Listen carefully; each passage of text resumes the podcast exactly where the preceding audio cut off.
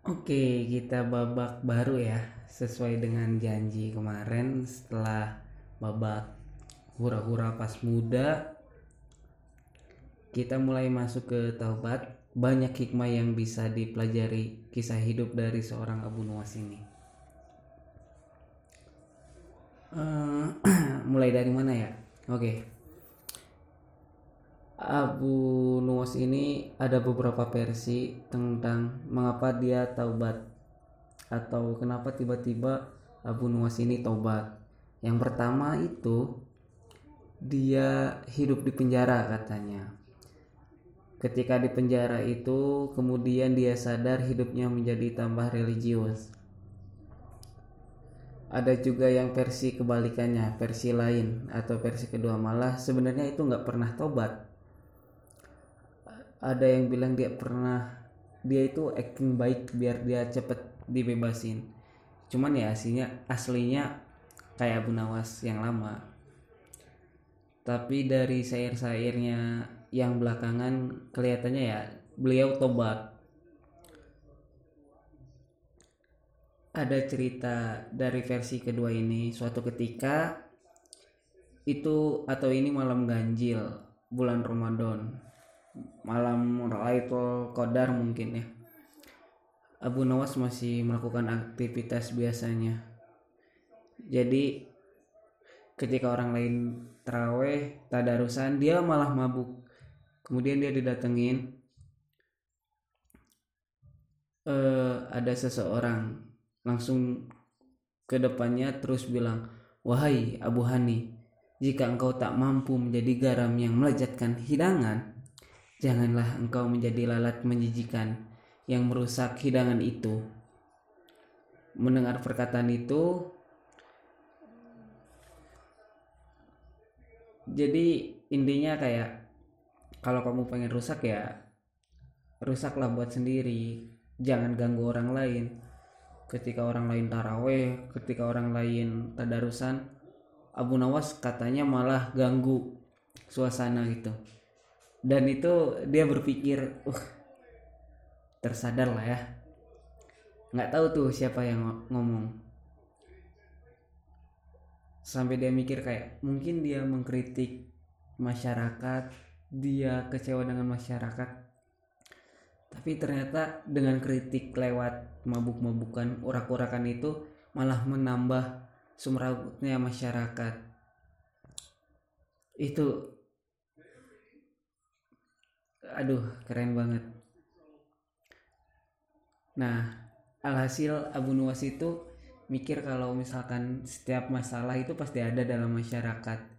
Nah jangan sampai kita mengacuhkan harusnya dia atau Abu Nuwas itu atau kita semua jadi problem solver dari masalah bukan nambah masalah. Kadang-kadang kita ini ingin menyelesaikan masalah tapi yang lahir adalah nambah masalah yang baru. Masalah lamanya ya makin numpuk juga nggak selesai-selesai. Gayanya kita ingin bikin pemecahan masalah malah dampaknya nambah masalah. Dan itu pemikiran Abu Nuwas juga sama seperti itu. Jika engkau tak mampu menjadi garam yang melejatkan hidangan jangan kau merusak sebuah hidangan itu gitu. Jangan. Nah setelah itu Abu Nuwas sadar dan dimulailah fase baru hidup tobat hidup menjadi ulama. Bahkan ada beberapa yang menyebut beliau menjadi sufi tapi tetap lucu ya nggak apa-apa. Karena itu emang khasnya dari beliau. Hidupnya emang tidak bisa kaku gitu kan. Dia lendur. Kesannya dia lucu. Bisa beradaptasi dalam situasi apa pun. Oke syair-syairnya banyak. Seperti yang kita kenal yang sampai sekarang terkenal. Ini di antaranya ya. Misalkan dia menasihati dirinya sendiri ya Hai Abu Nawas Jadilah orang terhormat, baik dan sabar. Waktu telah merusakmu dengan harta dan keinginan. hanya demi kesenanganmu. Hai pendosa besar, ampunilah atau ampunan Allah itu lebih besar daripada dosamu. Sebesar-besarnya sesuatu itu masih lebih kecil dibandingkan dengan ampunan Allah yang paling kecil. Kalimat awalnya keren tuh, Hai Abu Nuwas, jadilah orang terhormat, baik dan sabar. Dua kata, tiga kata yang tiga-tiganya keren. Dan itu jarang terjadi secara bersamaan kayak banyak orang yang terhormat tapi nggak baik atau nggak sabar ada juga yang terhormat baik tapi nggak sabar ada juga yang baik dan sabar tapi nggak terhormat nah ini kata-kata yang hidup dari Abu Nawas ya. Kalau misalkan teman-teman suka netting nah ini ekspresi netting atau overthinking dari Abu Nuwas dengan apa ya ekspresi yang begitu luar biasa. Dia menasihati diri sendiri untuk tobat tobat yang insya Allah nasuha ya. Atau mungkin kalau misalkan teman-teman ngerasa eh saya masih muda lah ngapain gitu? Lihat Abu Nawas juga dia tobatnya udah tua. Lah siapa yang tahu umur gitu kan? Sudah mungkinnya mungkin kita mulai tobat nah ekspresi dia itu memarahi diri sendiri agar dia bisa bergerak untuk bertobat dan menyesali perilaku ya perilaku masa lalunya. Ini kelihatannya simpel tapi hal yang berat ya. Kita sering istighfar tapi hanya sekedar formalitas nggak pakai hati. Nah kalau misalkan Abu Nawas ini istighfarnya itu mantap kita sering istighfar tapi enteng gitu kan. Karena kita ngerasa nggak banyak dosa. Dan jangan-jangan uh, Abu Nuwas juga dulu pernah merasakan hal yang sama kayak kita. Ngerasa nggak punya dosa atau dikit dosanya ya udahlah hura-hura. Dan itu emang harusnya hura-hura kayak gitu. Dan mungkin momen itu yang didapatkan oleh Abu Nuwas itu kamu itu banyak kelirunya kamu malah nambah masalah yang tadi ditegur itu cuman momentum itu kadang tertutup dengan kesadaran kita. Kadang kita denial gitu ya. Kita lebih dominan bahwa kita itu benar. Nggak pernah lihat atau memanfaatkan momentum padahal banyak teguran lewat peristiwa-peristiwa untuk kehidupan kita kesadaran itu makanya mahal ya. Dan kerennya ini Abu Nuwas langsung berpikir sadar aku ini banyak salahnya dan aku harus segera tobat dan istighfarnya mantap. Ayo kita belajar dari Abu Nuwas untuk taubat dan melihat momentum untuk sadar bahwa kita itu banyak dosa. Semoga dengan mendengarkan ini kita merasa kita itu penuh dosa uh, lanjut ya apa pembelaanku akan segala yang telah kulakukan? Apa yang akan kukatakan kepada Tuhanku? Apa yang akan meringankan salahku? Saat keluar dari jalan kebenaran atau menang, memunggungi kebaikan, duhai beratnya taubatku dan bodohnya apa yang terlewat dari hidupku. Kata-kata yang puitis ini syair yang menjadi doa dia juga ya. Waduh. Nggak kebayangkan kalau misalkan teman-teman ditanya oleh Allah kayak gini kalian bisa jawab apa? Ya ini refleksi dari seorang Abu Nuwas atau keluhan. Dia takut nanti kalau ditanya oleh Allah jawabnya kayak gimana? Dengan segala kesalahannya dengan segala mabuknya. Dia lebih memilih mabuk dibanding memilih kebaikannya. Jalan mabuk dibanding jalan Tuhannya. Mau jawab apa pun aku sudah salah. Dan dia sadar. Karena yang dia pilih itu bukan jawaban yang benar. Bukan pilihan yang benar. Dari itu muncul syair yang kalian hafal ya. Ilahi las tulil firda si ahla wahai Tuhanku jelas aku bukan ahli surga. Aku nakal aku dosanya bertumbuk-tumbuk. Wala akwa ala naril jahimi. Tapi aku nggak kuat kalau misalkan aku harus masuk neraka. Jadi ya Allah aku ini masuk surga gak pantas. Tapi masuk neraka nggak kuat. Gimana nih? Ini doa yang memaksa gitu kan? Pahab li taubatau wafik wafak wagfir fahab li taubat wagfir dunubi. Nah ini cara dari agar kita pantas masuk surga katanya. Taubat itu hakikatnya anugerah dari Allah. Maka berdoalah untuk dianugerahi taubat. Hmm. jalan kita untuk bertaubat itu nunggu anugerah dari Allah. Pahabli taubatan wagfir dunubi. Dan ampunilah dosaku fa innaka ghafirud dambi adim. Fa innaka ghafir dambi adim. Aku masuk surga nggak pantas masuk neraka nggak kuat. Sudahlah ampuni dosaku gitu. Dunubi mislu a'dadir rimali dosaku itu sebanyak jumlah pasir. Kalau misalkan kita analogikan, uh, pasir, padang pasir yang jumlahnya atau yang luas itu, ya itu dosaku. Pahabli taubatai ya zajalali. Tapi ya aku menunggu anugerah dan itu anugerah darimu ya Tuhan katanya untuk jalannya wa umri ya wa umri naqisun fi kulli sementara umurku semakin banyak bagaimana menanggungnya ya Allah. Ilahi abdukal asi ataka. Wahai Tuhan hambamu yang penuh dosa ini datang padamu.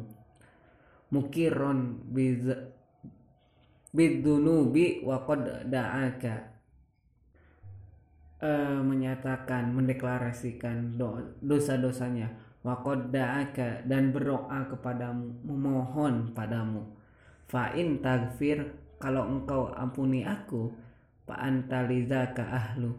Memang engkau ahlinya tempatnya minta ampun. Fa in tatrud. Tapi kalau misalkan engkau tolak aku ya Allah paman narju siwaka. Lantas pada siapa lagi berharap kalau engkau saja tidak bisa mengampuniku? Dan ini namanya munajat ya. Mengeluh pada Allah menyatakan kelemahan menunjukkan dosa-dosa kemudian pasrah kepada Allah minta diberi yang terbaik. Makanya kalimat ini banyak dipakai ya. Ilahilas tulil firdausi ala wala aqua alan naril jahimi ini babak pertaubatnya ya. Ada babak kemabukannya babak kenakalan dan hura-hura dalam cinta. Sekarang pertaubatannya. Ada satu lagi babak yang mau saya bawa. Babak akhir hidupnya ya. Nampaknya singkat sih. Jadi kita lanjut aja ya. Setelah tobat itu ada banyak fase-fase beliau dekat dengan Tuhan dalam hidupnya seorang Abu Nawas dia dekat sekali dengan Tuhan. Di akhir-akhir hayatnya beliau beliau sakit. Ada beberapa syair yang lahir dan terkenal ketika beliau sedang sakit. Misalkan uh, oh iya tapi konotasinya beda ya. Ilahiyah beda kayak konotasi ketika dia zaman hura-hura kemusnahan tengah merayap ke bawahku dan ke atasku. Kulihat diriku sekarat tahap demi tahap. Tiada waktu berlalu tanpa meruntuhkanku berantakan. Mengiring kekuatan aku tersingkir dalam ketundukan. Saat ku ingat sekarang aku melemah dan mengurus tertunduk di hadapan Tuhan maaf tertunduk di hadapan Tuhan. Betapa aku sesali hari-hari dan malam-malam itu penuh hura-hura dan permainan kita lakukan setiap kejahatan. Semoga Tuhan mengampuni memaklumi dan memberi penangguhan hukuman. Kalau enggak ya pasti aku akan enggak selamat gitu. Beliau berpikirnya seperti itu ya. Kemudian ada lanjutannya setiap yang meratap akan diratapi. Setiap yang menangis akan ditangisi. Setiap simpanan akan dibelanjakan dan setiap kenangan akan dilupakan. Hanya Tuhan yang tersisa. Siapa pun yang dimuliakan Tuhan jauh lebih mulia. Ia menjamin semua kebutuhan. Oh Tuhan, kita sengsara dan membutuhkannya. Pada akhirnya, setiap puncak itu bermuara kepada Tuhan. Ini kesadaran puncak dari hura-hura puncak kemabukan dari Abu Nuwas kembali lagi ke Allah. Kesadaran kalau semuanya nanti akan berakhir dan yang akan apa ya yang akan aduh aduh yang akan abadi itu ya hanya Tuhan semata.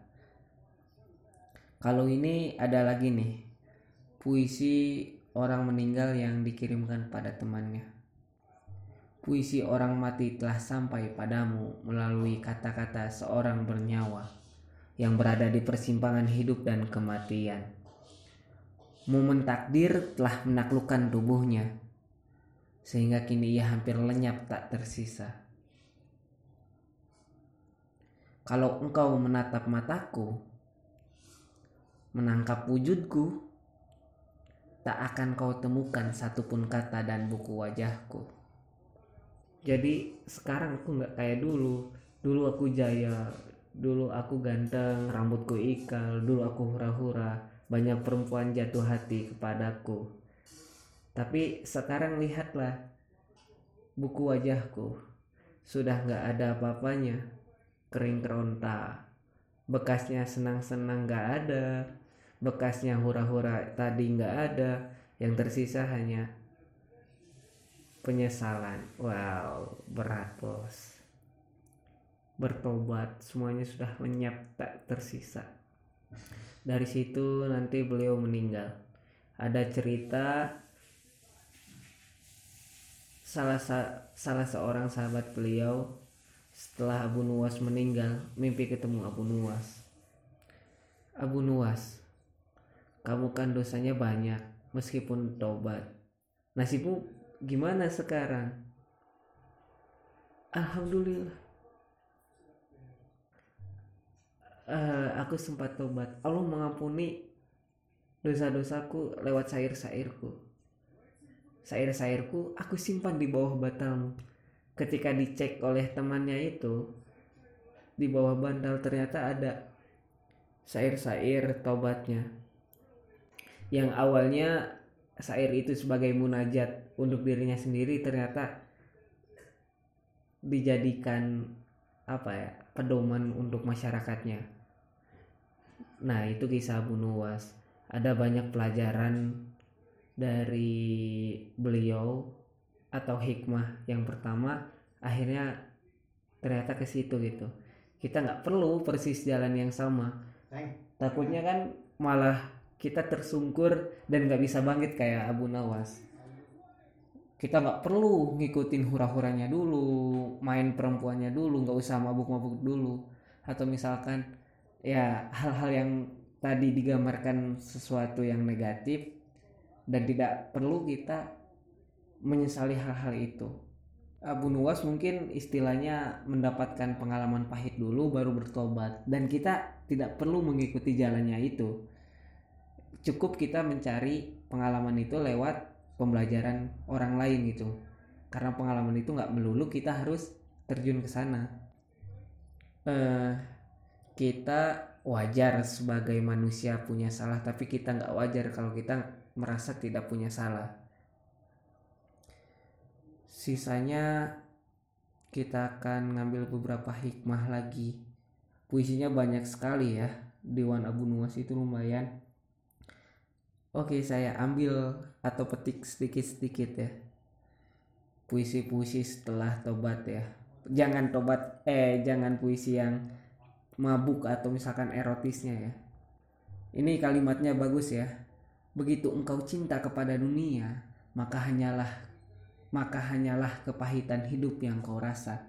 Tidakkah kau tahu hakikat dunia yang awalnya bening dan akhirnya asin? Abu Nuwas mengingatkan kepada kita bahwa dunia yang kita cintai itu hakikatnya positif di awalnya dan lama-lama akan negatif. Manusia awalnya muda, kuat, jago, tapi lama-lama ia akan menyusut tua dan menjadi lemah. Makan. Enak. Seenak-enak makanan hmm. awalnya enak. Tapi coba kamu tambah dari satu piring jadi dua atau tiga piring. Enaknya setengah. Enaknya semakin nambah semakin mual kan. Lama-lama kalau misalkan kalian nambah jadi tujuh bisa jadi mual dan muntah. Pacar cantik. Apalagi iya cantik. Sekarang umurnya berapa? 10 tahun lagi. 20 tahun lagi. 30 tahun lagi. Ya sama gitu kan. Ujung-ujungnya jadi nenek. Maka kalau kita cinta pada dunia siap-siap kecewa. Karena dunia itu dahsyat nikmat di awal. Lamanya kualitas dan kuantitasnya menurun. Jadi jangan jatuh cinta pada dunia. Rugi. Eman-eman atau sayang ya jadi jatuh cintalah pada yang hakiki. Uh, saya uh, apa ya ada dari buku apa gitu ya. Kalau akhirat itu sebaliknya dari dari dunia gitu. Ceritanya dari akhirat itu awalnya enak. Ketika diulangi lagi nambah enak terus terus nambah enak makin enak makin enak terus kualitasnya makin menambah kalau di akhirat. Maka yang kita cintai harusnya yang lebih hakiki ketuhanan dan akhirat bukan yang dunia dan fana itu. Nah lanjut ya ada sindiran dari beliau. Wahai orang-orang yang peduli pada agama ketahuilah bahwa kebebasan dan pemaksaan itu tidak ada semua yang kau tuduhkan tak ada benarnya, selain kematian dan alam barjah. Tak seorang pun tahu begitu terpisah nyawa apakah ia masuk surga atau neraka. Wah, sindiran buat saya nih guys, buat kita semua. Buat kita ya, di antara kita ada yang mengunggul-unggulkan kebebasan. Ada yang kebalikannya mengunggul-unggulkan kekakuan, pemaksaan, otoriter, yang satu beragama sangat keras, yang satu beragama sangat longgar, yang satu andalannya kebebasan, yang satu andalannya pemaksaan. Katanya Abu Nuwas, semua yang kau tuduhkan itu gak ada benarnya. Orang yang menganut aliran kebebasan atau apa pun itulah kebalikannya. Dan sama gitu kan biasanya saling menyebut dan saling menyalahkan saling menuduh ya. Antara yang liberal ada yang apalah itu. Semua yang kau tuduhkan itu nggak ada benarnya. Dua-duanya salah. Karena jangkauan wawasan dan manusia itu nggak ada yang berderajat pasti. Satu-satunya yang bisa dipastikan dalam hidup itu adalah kematian dan akhirat. jadi yang kita omongkan berdasarkan pengetahuan dan pemahaman kita itu belum pasti. Karena yang pasti itu cuman kematian dan neraka. Maka jangan sampai kalian korbankan hal yang pasti itu oleh yang tidak pasti itu. Jadi teman-teman jangan sampai menjual hal yang pasti oleh ketidakpastian ya hmm, ada lagi nih. Kulihat ada lagi nih. Kulihat setiap yang hidup itu fana putra si pana dengan nasib mulia yang bersambung pada yang juga pana eh maksudnya dengan nasab mulia yang bersambung pada yang juga pana apa yang kita banggakan dalam hidup ini semua fana. Bahkan dirimu itu adalah fana itu berarti pada akhirnya akan lenyap. Waktu adalah fana katanya kita abadi. Waduh. Sesuatu yang kita banggakan entah itu harta keluarga martabat tahta yang kau cintai semuanya itu fana karena bisa lenyap suatu waktu. Dan ini bisa jadi hikmah teman-teman ya. Segala sesuatu seberat apa pun apa pun ya seberat apa pun masalah kalian itu yaitu fana ngapain serius-serius amat gitu ya. Jangan terlalu dibawa overthinking maksudnya ya. Nah ini makanya dia menjadi tokoh besar itu karena kisah hidupnya itu begitu luar biasa dan diakhiri menjadi sufistik ya ini ada lagi saat seorang cerdas menelah dunia dunia ini seolah-olah kawan kita gitu. Tapi hati-hati dunia ini bisa menjadi lawan kita. Dunia ini harusnya membantu kita mendorong kita untuk menuju Allah kembali kepada Allah. Tapi hati-hati dia juga potensial untuk menjegalmu langkahmu menuju Allah. Dia ini kawan harusnya jadi kawan tapi kalau kita tidak hati-hati dia bisa menjadi lawan. Kalau ada puisi siapa gitu ya kawan baik sementara sedang lawan jahat selamanya. Nah ini kita masuk ke kalimat kalimat beberapa kalimat yang hampir pada tahap meninggal beliau lebih baik mati karena cengkraman kesunyian daripada mati karena payahnya kecerewetan betapa sering engkau kehilangan diri dalam kelakar.